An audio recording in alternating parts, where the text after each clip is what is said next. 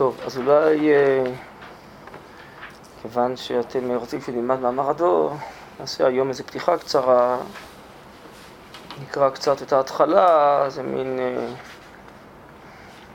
תיאור מציאות, מה שיש כאן, ואפשר אה, קצת אולי להרחיב את זה.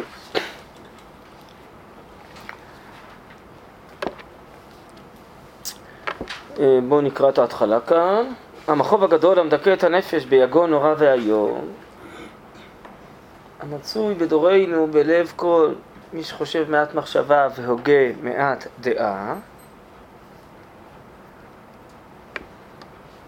בייחוד אם הוא גם כן מוכשר לקבל הרגשה עדינה וישרה בלבבו, אין לתאר או לספר.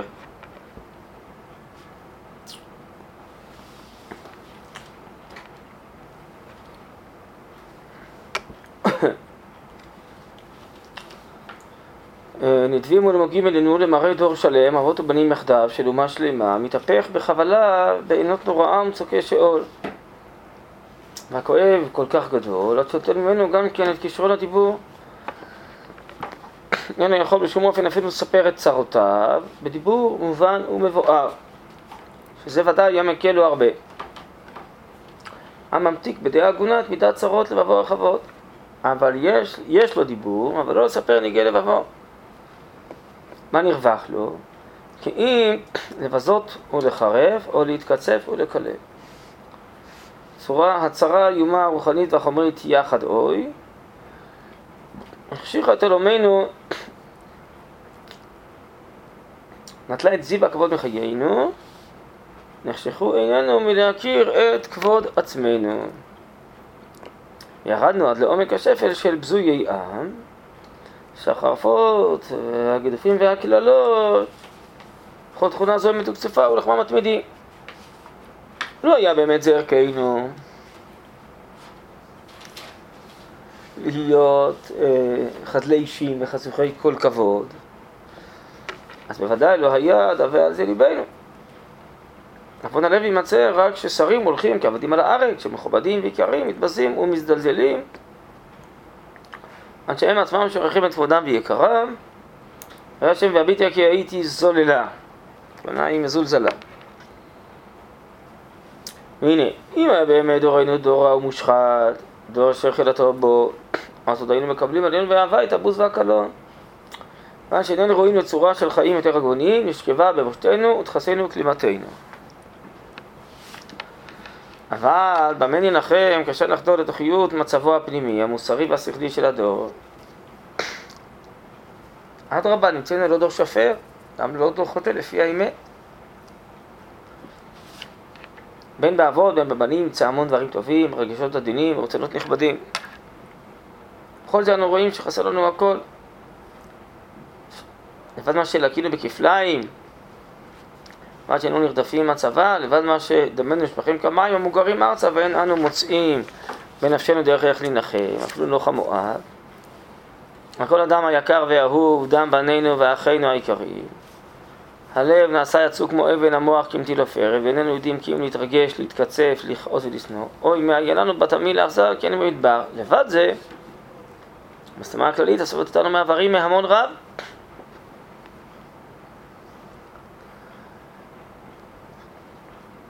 הבוז והשפלות הפנימית המבצבצת אפילו מתוך ליבם של אותם הנדין ושברנו ואומרים שראוי לרחם עלינו. הם השפילו את רוחנו כל כך עד שגם אנחנו איננו יכולים להסתכל על עצמנו כי אם בעין של זעם, של חשד ושל השפלה. כאילו אנחנו, רק אנחנו איננו הרעים והחטאים, השכלים והחשוכים מכל העם אשר פני אדמה, אוי ועל אליי. עיניים רפות, הברכיים כושלות, הלב נמוג והעיניים טועות לתור פה ושם, אולי יש איזה נקודת אור. מזה ניצוץ תנחומים, שיהיה ראוי להעיר ולחמם, לעלות על הדור של אבט אש קודש, אבל מאומה לא ימצאו, או לא ימצאו, אבות נבלים ונואשים, הבנים בנים רגז וקצף, ואיש שפת רעהו לא ידע ולא יבין. כל אחד מתגדר בצרותיו המיוחדות לו, כל אחד משלים את חברו ותולה קולה רק בצווארות.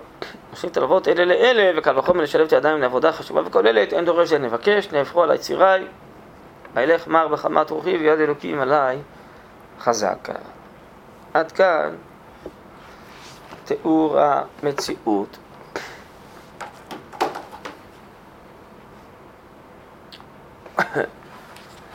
ברוך אתה אדוני אלוהינו מלך העולם שהכל נהיה בדברו. בעצם הרב מתאר מעבר לצרות הגשמיות, צרות רוחניות, לכן הוא אומר לקינו בכפליים. והנושא של המאמר הזה זה התסבוכות הרוחניות, התרבותיות, מתוך כך הנפשיות של הדור.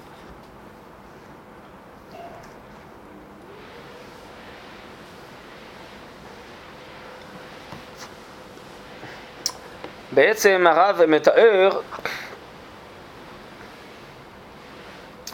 וכבר בתיאור קצת מתחיל להסביר שלמה יש בעיה שאנשים מכובדים מתהלכים כמו אנשים מזולזלים אז יש בעיה. אם היינו באמת מזולזלים אז לא הייתה בעיה, נכון? כלומר, יש פער בין מה שאנחנו לבין מה שאנחנו תופסים את עצמנו. אין לנו אמון בעצמנו ואנחנו לא מכירים את הגודל האלוקי הפנימי שלנו. לכן זה מביא, הרב אומר, הרבה כעס וזעם ומריבות. הפער הזה בין התביעה הפנימית שיש לנו מעצמנו לבין מה שאנחנו בפועל.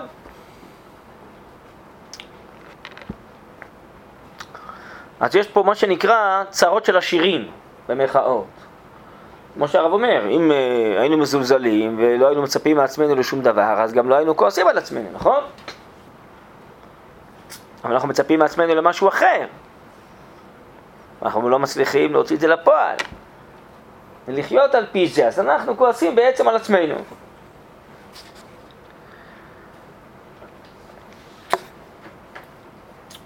אז אולי צריך לשאול, אנחנו יודעים, כמעט באלפיים שנות גלות היו הרבה באמת מצבים של רדיפות וגזרות ושמדות. והבעיה הייתה בעיקר באמת אה, רדיפות פיזיות. מתוך כך כמובן אה, צערים וכאבים נפשיים, אה, עלייה למוקד. אבל הרב קוק לא כתב מאמר הדור על דור שלפני אלף שנה או אלף חמש מאות שנה, נכון? הוא כתב את זה בדורות שהוא ראה מול עיניו, ועשיתי פעם חשבון שזה נכתב בתאריכים הלועזיים בשנת 1903. שזה היה באמת אה, באירועים שהיו ברוסיה, ופרעות, וערב מלחמת העולם הראשונה. בסדר? זה, יודע, כמה? 115, קצת יותר, 116 שנה.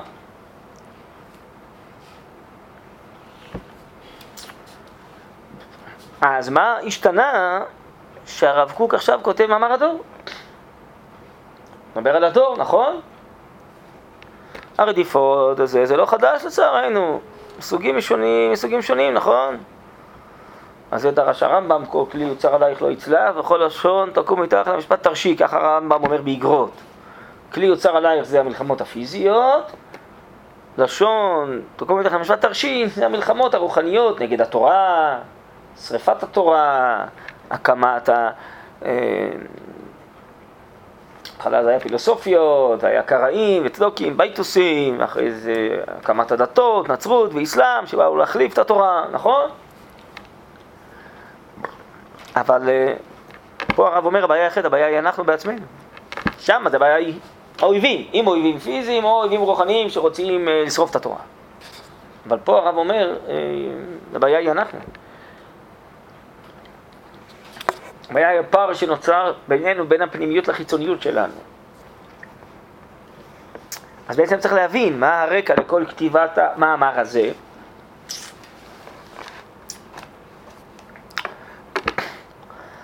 ממילא נבין מדוע הוא נכתב בדורות האלה.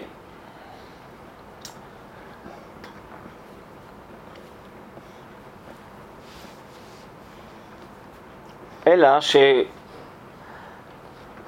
מתוך כל התורה הנגלית והנסתרת שהוא למד, וראיית התהליכים בעולם, עוד אה, לפני מלחמת העולם הראשונה, תוך כדי המלחמה ואחריה, הרב ברור שלא רק מתחוללים דברים גדולים בעולם, כפי שהוא היה מסביר, אם ראית אומות מתגרות זו בזו, צפה לרגליו של משיח. אלא מתחוללים דברים עמוקים מאוד בנשמת האומה הישראלית, בנשמת כנסת ישראל, שהיא מתעוררת. היא מעוררת מיליוני נשמות, ויש הארה בנשמות.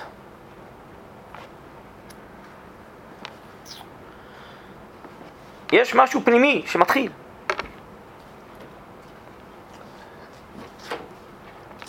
ולא כפי כאלה שחושבים שכיוון שהרב ראה את הצעירים האידיאליסטים היהודיים שהתאספו במהפכות, במלחמת העולם הראשונה, במהפכות בעוד מקומות בעולם, ובקומוניזם, עליהם הרב כתב את המאמר. לא, זה טעות, כי הרב uh, כותב, לספור שש, שבע, שמונה פעמים במאמר, בפועל הדור הזה אין לו כלום. ממילא הוא לא מדבר עליו בפועל בכלל.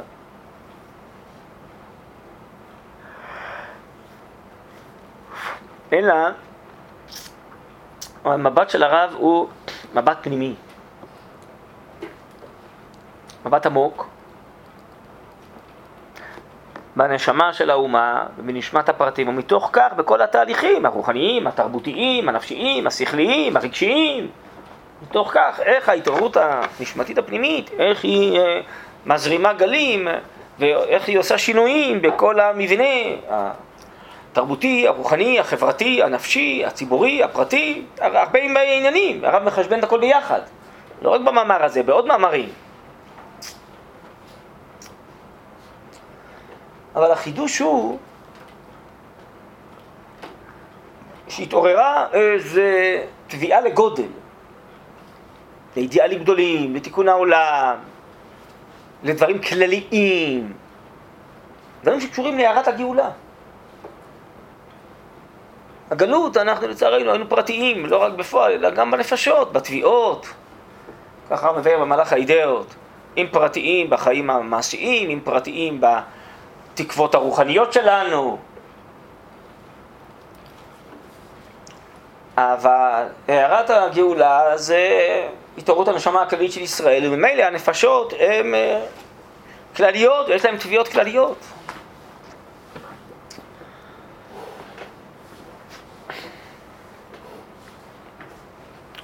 והם אה, רוצים, אה, מצד הנשמות אני עכשיו מדבר, להגיע לעולם מתוקן, שכל העולם יתוקן וישתפר, יתעלה, ו...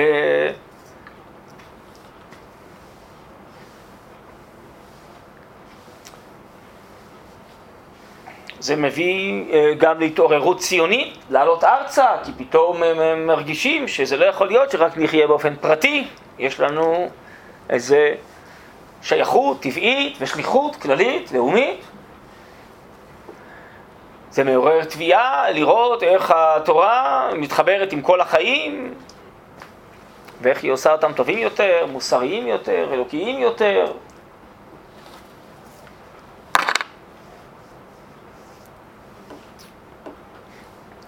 וזה לא אומר שכל אחד מבני הדור הוא יודע להסביר מה כתיב, מה טמון בתוך התביעה הזאת הפנימית, הציבורית, או אפילו הנשמתית הפרטית שלו.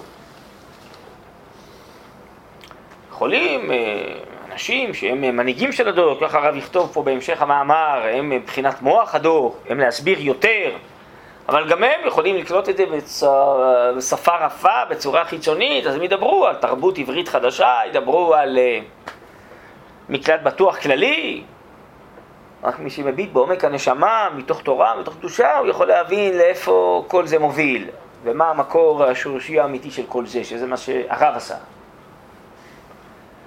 אבל הרב מחלק בהמשך המאמר בין הרבה דורות שמתוארים בתנ"ך, אולי רוב הדורות שמתוארים בתנ"ך, לבין הדור הזה. וזה נקודת ההבדל, זה סוד ההבדל. שהרב אומר שהרבה דורות של התנ"ך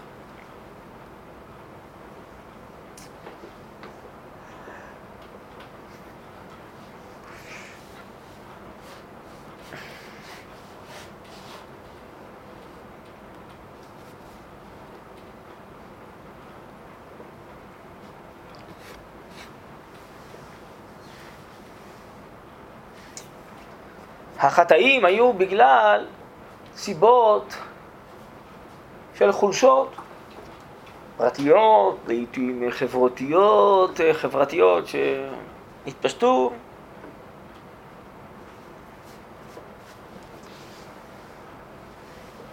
זה כל מיני אה, דברים של קטנות, של תאוות, של יצרים, של חולשות, הם הביאו לכל החטאים מסוגים שונים שהיו.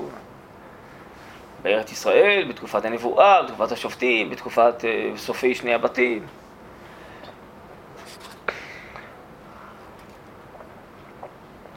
הרב אומר סוג הצרות, שיבת החטאים בדורות האלה היא אחרת לגמרי. משל למה הדבר דומה, כדי להסביר את זה,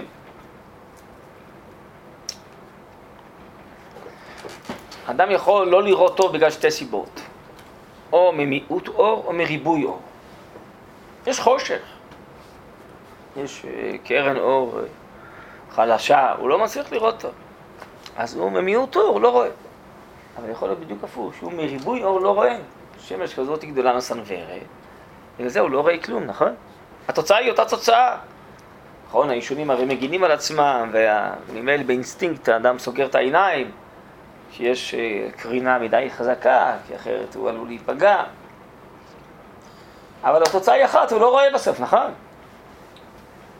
אבל הסיבה, המקור לזה שהוא לא רואה, היא הפוכה לגמרי. פה זה ממיעוט אור, פה זה מריבוי אור, נכון? אומר הרב, מה שמתואר במשנה בסוף מסכת סוטה, חוץ באיסגה וזה... ועוד הרבה מקורות שיש לנו בנגלה ובנסתר, הם מכוונים לזה שסיבת החטאים המרכזית, זה לא אומר שאין עוד דברים, במאמרים אחרים מחשבן עוד דברים, אבל זה, זה, זה, זה עניין מורכב כל ההבנת פה התהליכים, אבחון המחלה, כמו שהרב מדבר, המחלה של הדור, כרופא המאבחן את המחלה, הסיבה המרכזית החורזת את הדברים המרכזיים בדורו של הרב, וגם בדורות שלנו, זה מרוב אור ולא ממיעוט אור.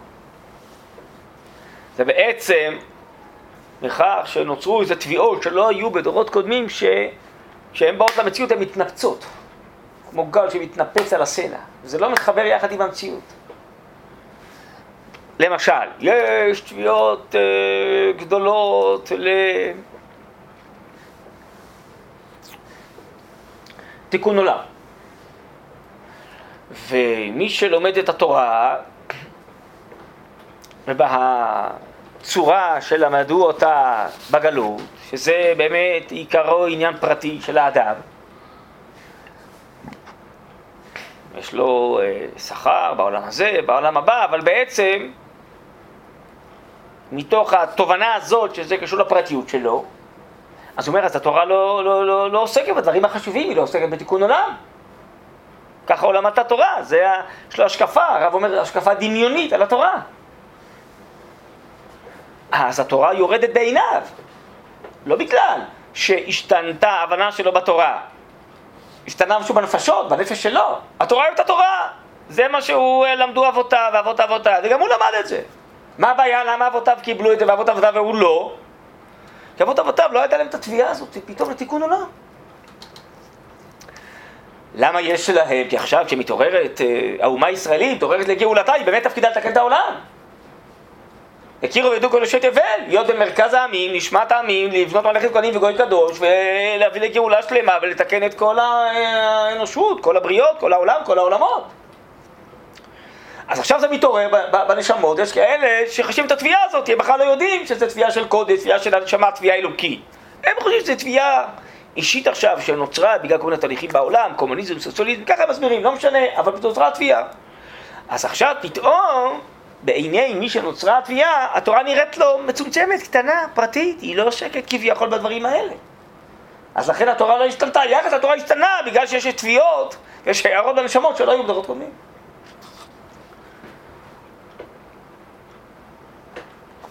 נוצרת תביעה לארץ ישראל.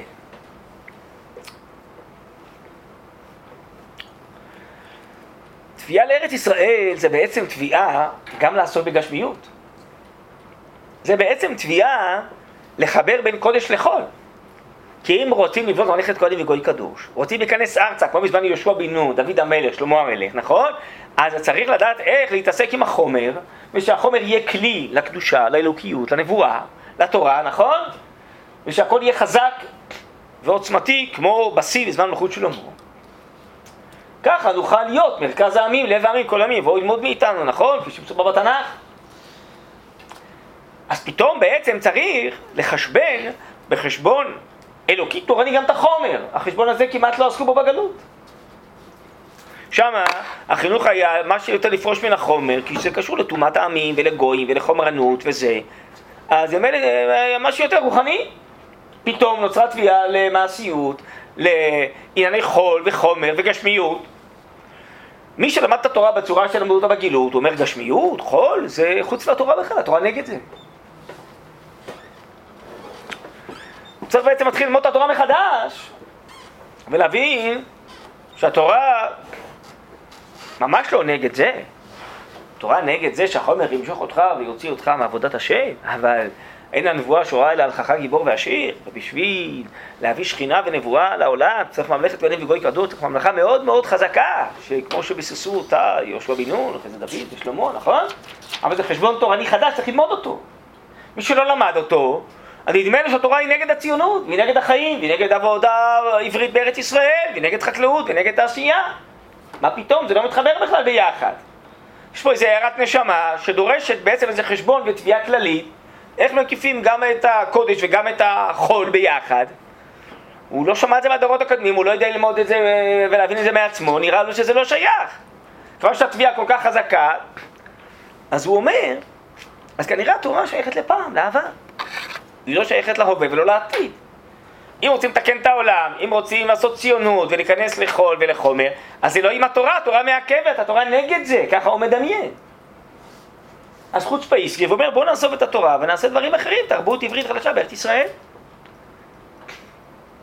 או נעזוב את התורה, נהיה קומוניסטים. משהו השבועה שזה יושיע את העולם. אבל זה מה שאני מנסה להסביר, זה רק תוצאות של משהו הרבה יותר עמוק שמתחולל בנשמת האומה, שאת זה הרב רואה. וזה אצלו שורש המחלה, כפי שהוא קורא לזה, ושורש כל התהליכים. וזה התעורר עכשיו, ככה ריבונו של עולם החליט שהנשמה הזאת תתעורר עכשיו, זה יכול להתעורר לפני 500 שנה, זה היה לפני 500 שנה, זה הוא אמר הדור לפני 500 שנה, אבל זה לא התעורר. זה חשבון אלוקי שעכשיו זה מתעורר. אבל לכן זה חשבון אחר לגמרי. וחלק גדול ממה שנכתב הרב אומר על דורות קודמים הוא לא רלוונטי לדור הזה. הוא רלוונטי לצדדים אחרים בדור הזה, לצדדים הפרטיים, המוסריים, כל מה שקורה בספרי מוסר, שאדם יש לו תאוות, יש לו צערים, צריך לעבוד על זה. כל זה נכון, בחשבון הפרטי. אבל יש פה עוד חשבון, יש פה התערבות נשמתית כללית.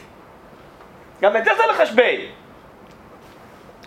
אדם הוא לא רק כוחות נפש, הוא נפש הנמה אחת, הנשמה האחת שחיה בתוכו. וזה גם מתעורר עכשיו, את זה צריך לחשבן גם כן, יש בו המון חשבונות ביחד.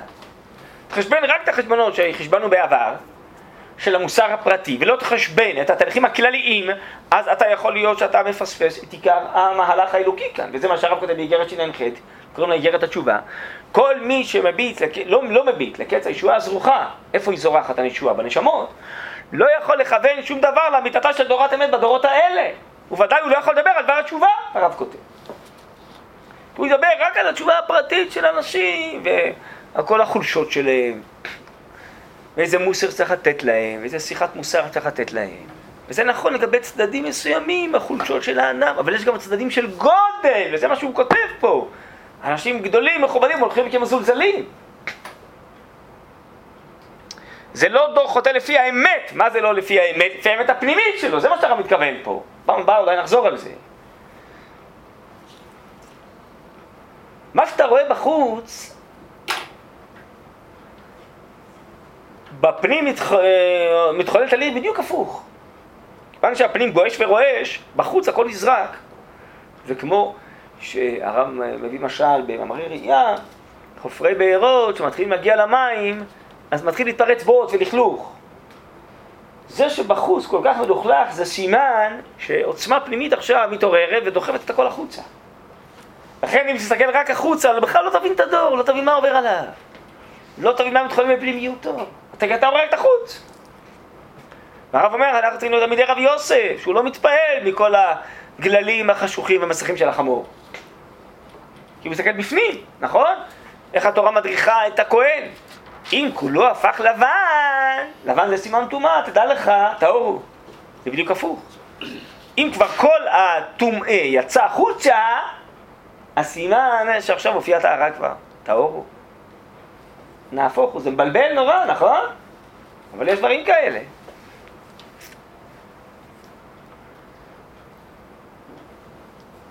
טוב, אז זה דברים עמוקים, ולא כל אחד יכול לקחת את הכתפיים שלו ולכתוב כאלה דברים וכולי, אבל זה הרב מתוך כל התורה שהוא למד. תהליכים שהוא ראה כבר בחוץ לארץ ועוד יותר בארץ ישראל, היה ברור לו שזה זה מה שכתוב בספרים, שהפנימיות תתעורר והנשמה תיגאל ותרצה להיוושע ולצאת לפועל, זה קורה עכשיו, זה החשבון של הרב, זה היסוד, הם אמר הדור. טוב, אז אני חושב אולי נעצור עכשיו פה, זה מין כזה פתיחה כללית בתוך הדברים שקראנו. פעם הבאה אולי ננסה לקרוא את זה בפנים, יותר לדייק במילים, בלי נדר. אבל זה המבט הכללי, שאחרי זה יותר קל מתוכו להמשיך לקרוא את המאמר, ויש פה כל מיני זוויות, שהרב מחשבן, כל מיני עניינים פה במאמר הדור, אבל uh, בלי המבט המרכזי המהותי הזה, אז אני חושב שבכלל קשה להבין uh, מה הרב ראה ומה הוא רוצה בכלל להגיד. בסדר? אז אני מציע בואו. נעצור עכשיו בזה, ובלי נדבר הבא נקרא לאט. יישר כוח.